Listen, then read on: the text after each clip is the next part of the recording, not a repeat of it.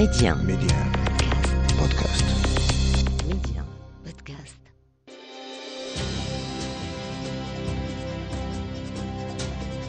أحداث قفصة التي عشتها أحداث قفصة هو الاسم الذي أطلق على العملية المسلحة التي قام بها كوماندوس من المعارضين التونسيين في يناير 1980 بعد تسربهم إلى مدينة قفصة المنجمية في جنوب تونس عبر مدينة تبسة الجزائرية ففي الساعة الثانية من فجر الأحد السابع والعشرين من يناير 1980 استيقظ سكان المدينة على دوي الرصاص وانفجار القنابل بعد أن قام كوموندو بشن هجوم انقسم إلى ثلاث مجموعات توجهت الأولى إلى ثكنة عسكرية والثانية إلى مركز الشرطة والثالثة إلى مركز الحرس الوطني والهدف احتلال المؤسسات التابعة للسلطة وفرض حصار عليها وإعلان حكومة مؤقتة تعمل على طلب مساعدات عاجلة من ليبيا التي كانت أعدت إرسال مجموعات أخرى وأسلحة بواسطة الطائرات. وزير الداخلية آنذاك عثمان كشريد اتصل هاتفيا بالوزير الأول الهادي نويرة ليبلغه بالهجوم في الثانية والنصف صباحا.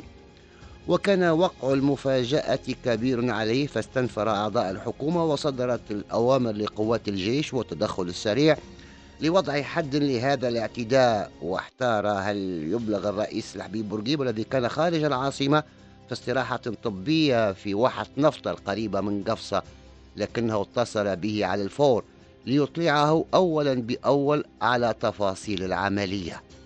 وكانت الأنباء التونسية وزعت النبأ في الصباح في بيان مقتضب جاء فيه. قامت مجموعة مسلحة عند الساعة الثانية صباحا بشن هجوم مسلح على مدينة قفصة مستخدمة أنواعا من الأسلحة المختلفة. استهدفت ثلاثة مواقع وقد جاء المسلحون من الحدود الجنوبية الغربية. واستغرق وصول الجيش التونسي إلى المدينة ومحاصرتها 11 ساعة تقريبا بعد بداية العملية. وتمكنت القوات في ذات اليوم من تطهير المدينة والسيطرة عليها وخلال ثلاثة أيام تم تحرير كل الأسرى واعتقال أربعين مسلحا بمن فيهم قائد المجموعة وأدت العملية إلى تأزم حاد في العلاقات مع ليبيا وأثرت ولو إلى حين على ثقة الحكومة التونسية بالنظام الجزائري. كنت عندها مسؤول في القسم الدولي بجريدة الميثاق الوطني. التي انطلق منها مشواري المهني كما أشرت إلى ذلك سابقا وقمت بالعديد من التحقيقات والتغطيات داخليا وخارجيا. كاجتماع وزراء خارجية حركة عدم الانحياز في بلغراد وتابعت في جلسات المغلقة المشادة الحادة بين السيد محمد بوستة وزير الشؤون الخارجية وعبد العزيز بوتفليقة وزير خارجية الجزائر. وتقرر أن أذهب إلى تونس لمتابعة كل الملابسات المتعلقة بأحداث قفصة وما أحاط بها. وصلت إلى تونس وتابعت أطوار التحقيق ثم المحاكمات وكنت أبعث بتقارير يومية تصدرت الصفحة الأولى للجريدة. وكتبت في إحدى المراسلات تحت عنوان لصالح من يعمل العقيد القذافي وكيف تم العبور من الجزائر كعنوان فرعي. لقد كشف التحقيق أن ثلاثين من المهاجمين القادمين من العاصمة الليبية طرابلس وصلوا إلى الجزائر العاصمة عبر بيروت وروما ثم عبروا الحدود البرية الجزائرية التونسية على مشارف مدينة تبسة بضوء أخضر من مسؤول رفيع في المخابرات الجزائرية هو العقيد سليمان هوفمان. وبالرغم من إدانة الرئيس الشادي بن جديد العملية وإصدار السلطات الجزائرية بيانا أكدت فيه أن حرس ومراقبة الحدود لم يسجل أي تسرب لأشخاص أو لحركة مشبوهة إلا أن الوزير الأول التونسي الهادي نويرة شكك في هذا الموقف معتبرا أن السلطات الجزائرية ضالعة في أحداث قفصة مستندا في ذلك. إلى اعتراف القائد السياسي للكوموندو عز الدين الشريف الذي أقر بوجود علاقة تربطه بالسلطات الجزائرية وبالخصوص جهاز مخابراتها وهي العلاقة التي نسجت أثناء اشتغال الشريف لصالح جبهة البوليساريو.